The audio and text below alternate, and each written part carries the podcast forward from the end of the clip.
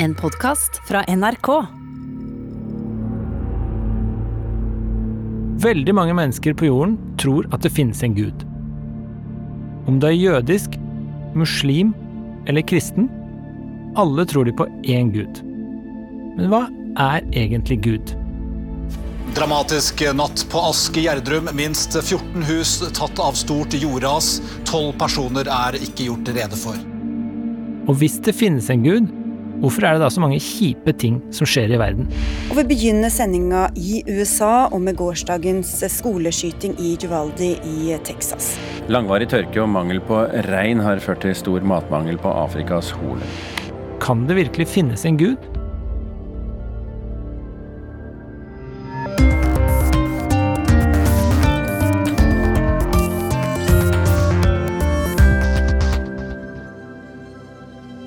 Jeg heter Einar Duenger Bøhn og er professor i filosofi.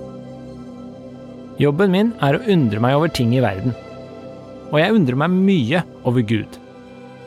Gitt alt vi mennesker tenker og gjør i Guds navn, mener jeg spørsmålet om det faktisk finnes en gud, burde være pensum.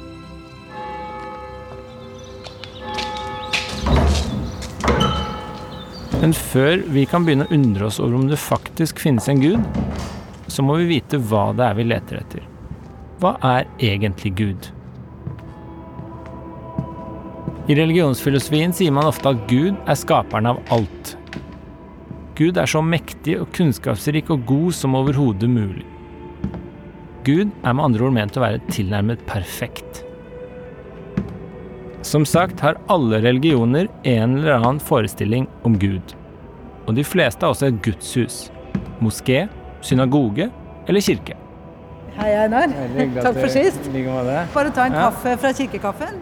Jeg møter sogneprest Sunniva Gylver i Fagerborg kirke i Oslo. Det er høyt under taket, harde benkerader, glassmalerier og et massivt orgel. Sunniva har vært prest i 26 år. Jeg spurte henne hva Gud er, Et helt umulig spørsmål. Kødder du? Hvis jeg skal prøve å forklare det så kort jeg kan, så tenker jeg at det kan jeg ikke svare på. Jeg tror Gud alltid er større eh, enn våre fatteevner og vår, eh, vårt språk og våre muligheter. Men hvis jeg skal si hva Gud er for meg, så vil jeg si at Gud er kjærlighet. At Gud er kilden til alt liv. At Gud er innrammingen, nærværet som gjennomstrømmer verden. Og at Gud samtidig er et personlig vesen som jeg kan ha en relasjon til og snakke til. Om vi skal tro på Sunniva, er altså Gud kjærlighet og kilden til alt liv, og noen hun kan snakke med. Og så gir det meg trygghet, det gir meg en eh, tilhørighet. Det gir meg eh, en eh, høyere himmel over tilværelsen. Og nå når jeg er prest, så er det klart så kan man si du kan ikke stå opp en dag og tenke 'å, jeg tror ikke da mister jeg jobben', liksom. Det, er jo, det ville jo stått mye på spill. For Sunniva er det mange grunner til å tro at det finnes en gud. Men for meg som filosof er det spesielt ett argument som gjør at jeg av og til tenker at det kanskje kan finnes en gud. Nemlig at noen har villet at du og jeg og alt du ser rundt deg, nå eksisterer. Hovedideen er at den beste forklaringen på det vi ser i verden, er at det finnes en intensjon bak vår eksistens. Det er med andre ord noen, Gud, som har villet at virkeligheten skal oppstå. Dette kalles det teleologiske argumentet. Teleologi betyr en slags hensiktsmessighet, altså at ting forklares ut ifra et mål de skal oppnå. Det teleologiske argumentet har en lang historie. Filosofen Aristoteles brukte argumentet allerede for litt over 2300 år siden. Det nevnes også i Thomas Aquinas sine filosofiske verker på 1200-tallet. Til og med den kjente fysikeren Isaac Newton nevner det så vidt på slutten av sitt hovedverk Principia på 1600-tallet. Men den beste versjonen av argumentet finner du i boken Natural Theology, som kom ut i 1802, skrevet av teologen og filosofen William Paley. For å forstå Paleys idé, se for deg at du er på skogstur. Du rusler bortover en sti, og plutselig sparker du ved et uhell borti en stein på bakken. Du undrer deg da sannsynligvis ikke nevneverdig over hvorfor den steinen ligger akkurat der, eller hvor den kommer fra. Du tenker bare at den har formet seg naturlig over tid og tilfeldigvis havnet der den har havnet. Men hvis du ved et uhell sparker borti en klokke på bakken, hva tenker du da? Da undrer du deg nok umiddelbart over hvorfor den klokka ligger akkurat der, og hvor den kommer fra. Du tenker antageligvis ikke at den har formet seg naturlig over tid, og tilfeldigvis havnet der den har havnet, litt sånn som steinen. Du tenker nok heller at den er laget, og at noen har mista den akkurat der. Men hva skyldes denne forskjellen i vår reaksjon på steinen og klokka? Teologen og filosofen Paley mener at vi umiddelbart ser at klokka ikke er tilfeldig satt sammen, men at den er satt sammen helt bevisst med en intensjon. Å sparke borti klokka er som å sparke borti en stein som er formet som en byste av meg. Vi ser med en gang at det vi sparket borti ikke er tilfeldig satt sammen, eller er formet naturlig. Det er heller mer sannsynlig noen som har villet lage den slik den er laget. Henger du med? Se for deg det vakreste mennesket du vet om. Kjæresten din, broren din, venninna di eller kanskje mora di. Noe så perfekt kan ikke være skapt helt tilfeldig. Paley mener videre at når vi ser oss rundt i naturen, og spesielt når vi ser på levende ting, som celler, enkle organismer, planter, dyr og mennesker, så ser vi umiddelbart at det ikke er formet tilfeldig, men heller er formet med en intensjon. Øyet er f.eks. laget for å kunne se med, bena for å gå med, mens hånda er laget for å kunne gripe med. For Paley er det å se på virkeligheten slik sett som å se på en klokke. Vi ser umiddelbart at det ikke er tilfeldig hvordan ting funker men at det er en overordnet intensjon bak alt.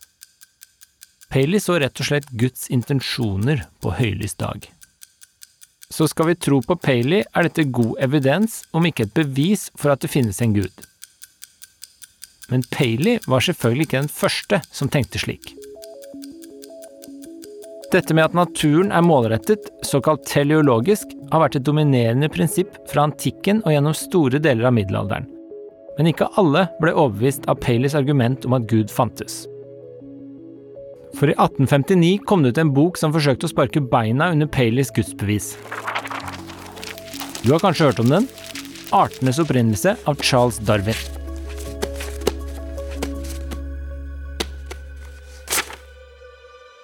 Darwin forklarte hvordan levende organismer kan utvikle seg naturlig og relativt tilfeldig ved hjelp av tre begreper. Arv, mutasjoner og miljøpress. Hovedideen er at man arver som regel egenskapene sine fra foreldrene. Men av og til skjer det en tilfeldig forandring i genmaterialet som enten favoriseres eller disfavoriseres i det miljøet man lever i. De egenskapene som favoriseres, sprer seg og arves i større grad nedover i generasjoner enn de som disfavoriseres. Og slik utvikler organismer seg videre fra det ene til det andre. Sakte, men sikkert.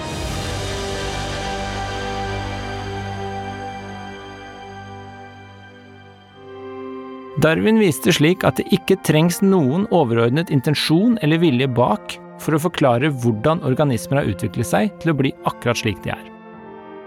Så da finnes ikke Gud.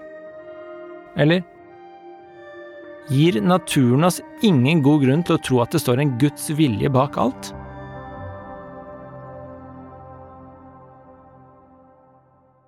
Jeg er ikke overbevist. For selv om jeg tror at evolusjonsteorien er den beste forklaringen på hvordan levende organismer utvikler seg fra det ene til det andre, så lurer jeg fortsatt på minst to ting. Jeg er tross alt filosof. Og nå må du følge nøye med. For det første tror jeg ikke teologen og filosofen Paley lurte på hvordan vi har utviklet oss til det vi har blitt. Jeg tror han heller lurte på hvorfor vi har utviklet oss til det vi har blitt. Merk at dette er to helt forskjellige spørsmål. Hvordan jeg har kommet meg ut på tur i skogen ved å f.eks. gå til fots, er én ting. Hvorfor jeg har kommet meg ut på tur i skogen, fordi jeg f.eks. ønska litt fred og ro, er en helt annen ting. Jeg tror derfor at de som slår i bordet med Darwin som et enkelt svar på Paleys problem, ikke har skjønt hva Paley egentlig lurer på. De svarer rett og slett på noe litt annet enn det han spør om. Darwin mener nemlig at livet oppstår tilfeldig uten en masterplan fra Gud. Men da er det ett spørsmål jeg ikke får svar på. Hvorfor finnes det liv? Jeg sitter på kafé og ser på folket og livet rundt meg. Jeg tjuvlytter litt på en samtale, og jeg ser en mor som sliter med en tvillingbarnevogn.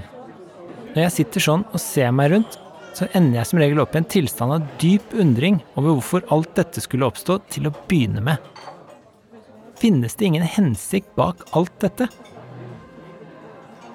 Jo, det er muligens en hensikt bak livet. Bare hør her. Det finnes nemlig en nyere og veldig interessant versjon av det teleologiske argumentet. Du vet dette argumentet om at det finnes en god grunn til å tro på Gud fordi noen må ha villet at vi skulle finnes.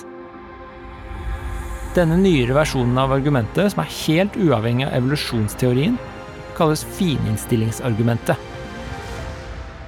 Dette er et veldig kult argument, så følg nøye med nå. Fysikken forklarer universets opprinnelse og utvikling ved hjelp av noen lover og konstanter. F.eks. at gravitasjonen har en bestemt styrke fremfor en annen, eller at den elektromagnetiske kraften fungerer som den gjør.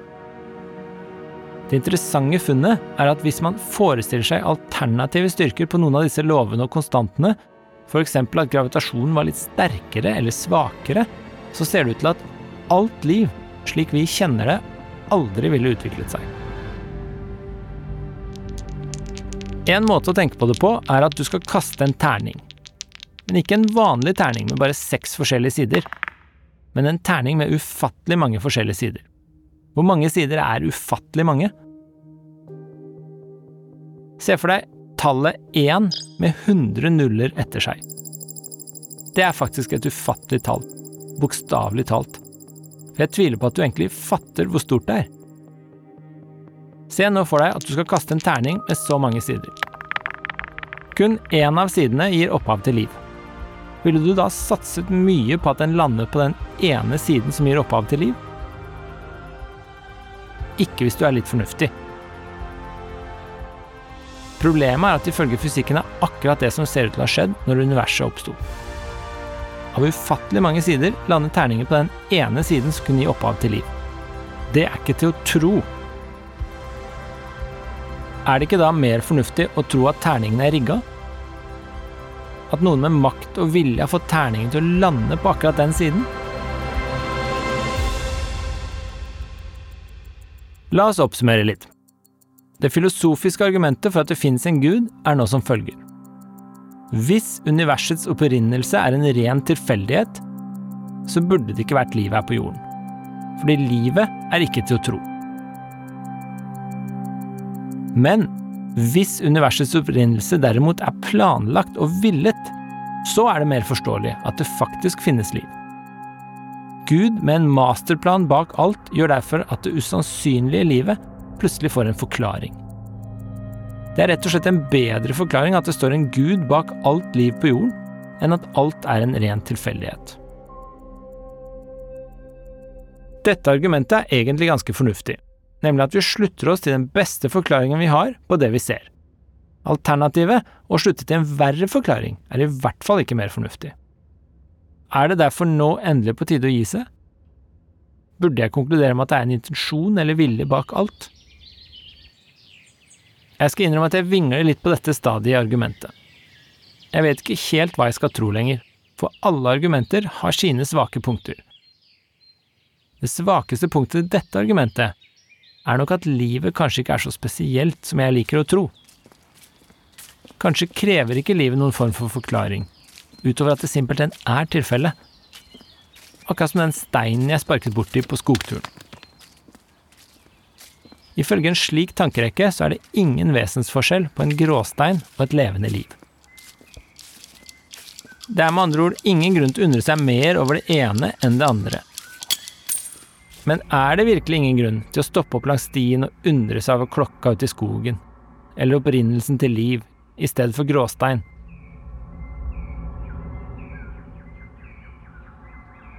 Jeg klarer ikke å tro det. Jeg ender alltid opp med å undre meg, dypt og inderlig. Av og til tenker jeg at ja, det er mest sannsynlig en vilje bak. Men av og til tenker jeg at nei, det er ingenting spesielt med livet som krever en forklaring. Tidligere i episoden snakket jeg med prest Sunniva Gylver. Jeg har også barn, da, men de er store nå. Det ville være litt rart hvis jeg ikke fortalte dem at jeg tenker faktisk at du skal gå ut og prøve å elske de neste og elske verden og be om tilgivelse når det trengs og stå opp mot urett. Det vil alle synes er fint, bare jeg ikke hekter på Gud. Men poenget er jo at det handler ikke om at de da vil egentlig gi dem andre verdier, men det handler om at man må forankre det et sted. Hvor forankrer man det hvis man ikke er eh, religiøs?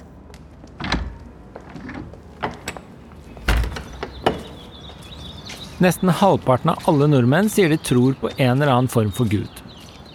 Statistikk fra Statistisk sentralbyrå viser at hele 47% av befolkningen over 16 år oppgir at de tilhører en religion eller en trosretning. Men hva med den andre halvparten? For å komme enda nærmere et svar på om det finnes en gud eller ikke, må jeg prate med en som ikke tror på Gud. Hvorfor gjør han ikke det? Men jeg har jo en stor bibel. altså Jeg har lest min bibel, altså. Ja, ja, da, Masse. Altså Jeg har prøvd den meg på den to ganger. Dette er Kristoffer Schou. Musiker, podkaster og gudløs. Jeg snakka med en teolog, altså en prest. Ja, det jeg spurte henne hvorfor tror du på Gud. Ja. Og da sa hun «Eh, fordi jeg kan ikke la være. Nei vel. Og så spør jeg deg hvorfor tror du ikke på en gud. Så sier du egentlig For Ja, men jeg kan ikke jeg jeg la være å ikke tro på en gud. Jeg, jeg, jeg forholder meg ikke til spørsmålet. Nei. Hele den religionen virker så tilfeldig for meg. Altså, altså Det er bare mennesker som har samlet seg om noe. Vi hadde noen andre gudssønner, vi gikk for han altså, jeg mener, Det er bare sånn Det blir så merkelig for meg. Altså, Det, det, det er så menneskelig. Altså, altså Kristendommen er mennesker har lagd det. Og da på en måte, da, blir, da faller hele korthuset for, sammen for meg. Når du ser på virkeligheten, Mm. Ser rundt deg, Yes. Du ser på mennesker, du ser på alt vi driver med, alt vi gjør, alt vi streber etter. Og så er spørsmålet hvorfor skulle det her i det hele tatt ha oppstått? Uh, hvorfor det skal oppstå? Eh, det, må man, det må man jo Det må gudene vite. Nei, men eh, det er jo ikke det, det er jo et av de store mysteriene, det. Ja. Helt klart. Um, Altså, det kunne helt klart. ikke liksom være åpen for at det var noen som ville skape det. Det var derfor det oppsto. Det er Det er 100 umulig å finne ut av. Uh, du vil aldri få greie på det uh, der. Så vet du hva, da bruker jeg heller tiden min på gode gjerninger. Uh, både for min egen del Men og andre. Vet, hvordan vet du at de er gode? Jeg skal opp til mutter'n etterpå hjelpe henne med å skru i en lampe. Det vet jeg hun vil oppfatte som en god gjerning. Jeg vil tro at grunnen til at dette fins, er to ting. Det er redselen for å dø. Og en øh, følelse av meningsløshet. Du prøver bare å tilføre en mening du sliter med å finne i hverdagen. Og det er forståelige grunner. Begge deler, på en måte. Eh, Men jeg har ingen av de problemene. Ok, Kristoffer tror ikke på en gud. Han lener seg på vitenskapen når det kommer til spørsmålet om hvordan vi havnet her. Hvordan det har seg at liv eksisterer. Men han har jo ingen svar på spørsmålet om hvorfor. Han sier at det får vi aldri svar på.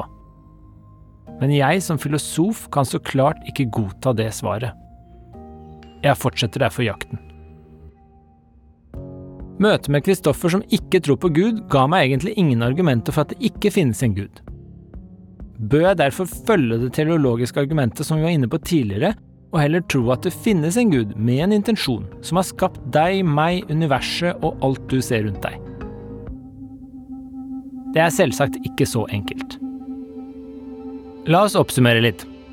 Jeg har tidligere definert Gud som annet god. Eller som prest Sunniva sier det, Gud er kjærlighet. Så jeg tenker at den, den kjærligheten og det, den livskraften som på en måte bærer hele universet, som har skapt alt og som vedlikeholder alt, det tror jeg er Gud. Men både det teleologiske argumentet til Paley og fininnstillingsargumentet støtter kun opp under ideen om at universet er skapt med en intensjon, at det er villet. Det sies ingenting om den skapningen f.eks. er en god eller en ond skapning. Jeg snakket tidligere om at jeg undret meg over det fantastiske livet. Men det er også viktig å undre seg over hvorfor livet kan være så ekstremt kjipt. Det må nemlig også forklares. Og det er nå jeg skal gi deg det viktigste argumentet for at Gud ikke finnes.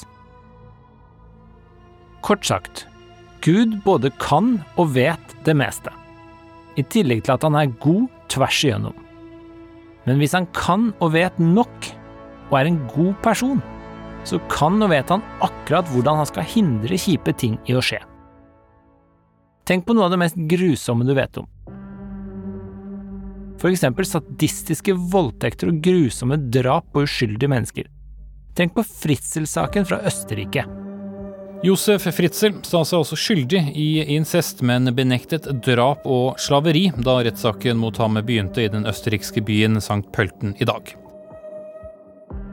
Josef Fritzel fikk barn med sin egen datter og holdt henne fanget i kjelleren i 24 år. Hvorfor stoppet ikke Gud det? Jeg har selv tre barn.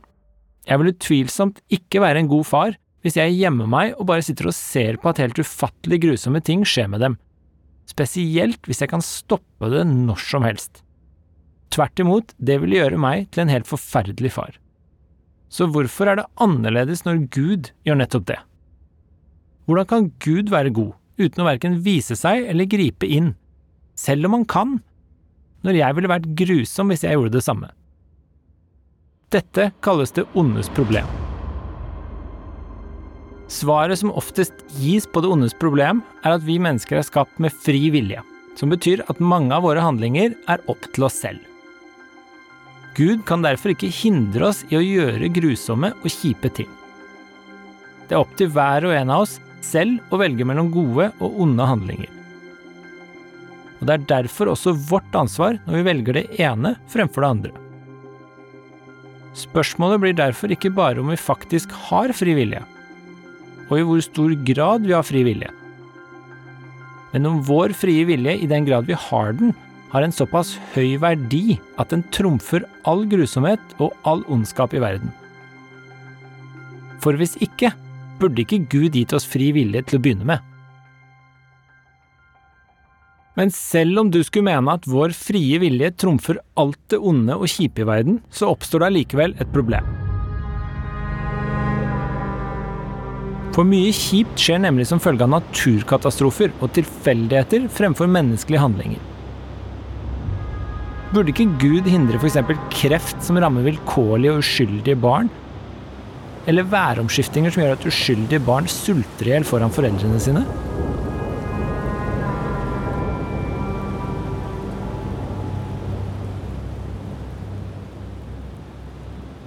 Det sies at Guds veier er uransakelige, som egentlig betyr hemmelighetsfulle eller ufattelige. Men det er liten trøst for oss som virkelig ønsker å forstå. Det er simpelthen uholdbart å bli fortalt at vi må forstå alt det kule med Gud, men hver gang noe kjipt kommer opp, og bare bli fortalt at Guds veier er uransakelige og ikke opp til oss å forstå. Det nekter jeg å godta. Så kanskje Gud rett og slett ikke finnes, da? Kanskje Gud bare er noe vi mennesker har funnet opp for å trøste oss selv i et ellers ganske tomt og meningsløst univers? Litt sånn som Kristoffer var inne på.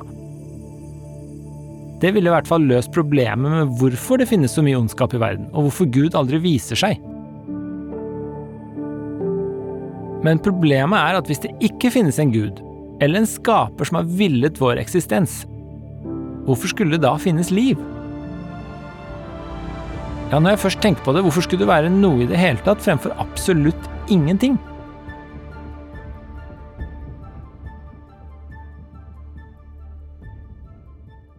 For å være helt ærlig, så er det ikke slik at jeg tror det finnes en gud. Men jeg tror heller ikke særlig sterkt at det ikke finnes en gud. Jeg tror verken særlig sterkt at det finnes en gud, eller at det ikke finnes en gud. Men hvis du presser meg, så vil jeg nok si at jeg tror det ikke finnes en gud. I hvert fall ikke noen form som vi har et godt begrep om. Men hvorfor er jeg da så opptatt av om det finnes en gud eller ikke? Hvis jeg ikke har noen sterk oppfatning den ene eller den andre veien, hvorfor ikke bare la saken ligge? Det er fordi jeg håper at det finnes en gud. For det hadde unektelig vært kult om det f.eks. viste seg etter at jeg var død, at det var en helt ny og interessant tilværelse på den andre siden. Hva om livet her og nå bare var ett av mange nivåer? Litt sånn som i et dataspill med flere levels. Hva om hvordan jeg spilte ut livet mitt her og nå, hadde betydning for hvordan jeg kom ut i neste nivå? Det hadde i hvert fall gjort tilværelsen mye mer interessant enn om alt bare var tilfeldig og endte i et evig tomt mørke. Håpet på noe slikt gjør livet mitt her og nå mye mer interessant. Jeg velger derfor å leve i håpet. I hvert fall litt. Selv om jeg nok til syvende og sist ikke tror noe særlig på det. Hva kan jeg si? Jeg er en optimistisk fyr.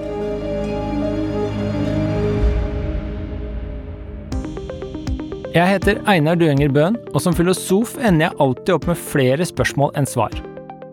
Det er spesielt tre spørsmål jeg vil at du også skal ta med deg videre fra denne episoden. 1. Det filosofiske spørsmålet er ikke hvordan universet og livet vårt har oppstått, men hvorfor det har oppstått. Spørsmålet blir om Gud er den beste forklaringen på hvorfor det har oppstått. 2. Hvis det skulle finnes en god gud, hvorfor er det da så mye ondskap og lidelse i verden? Med andre ord, er Gud forenlig med alt det kjipe vi ser i verden? 3. Går det an å håpe at det fins en gud, uavhengig av om man tror det eller ikke? Jeg håper det. Har du lyst til å høre andre ting som burde vært pensum? Jeg kan anbefale episoden med lege Kaveh Rashidi som snakker om hva som er sykdom. Når er du frisk? Når er du syk? Hvem skal bestemme det? Burde vært pensum hører du i appen NRK Radio. Burde vært pensum er laget av Lyder Produksjoner for NRK. Produsent Henriette Aurtande. Eksekutiv produsent Christian Marstrander. Musikken er laget av Halvard Hagen og Jens Petter Nilsen. Lyddesign ved Sondre Myrhol. Og ansvarlig redaktør fra NRK, Ole Jan Larsen.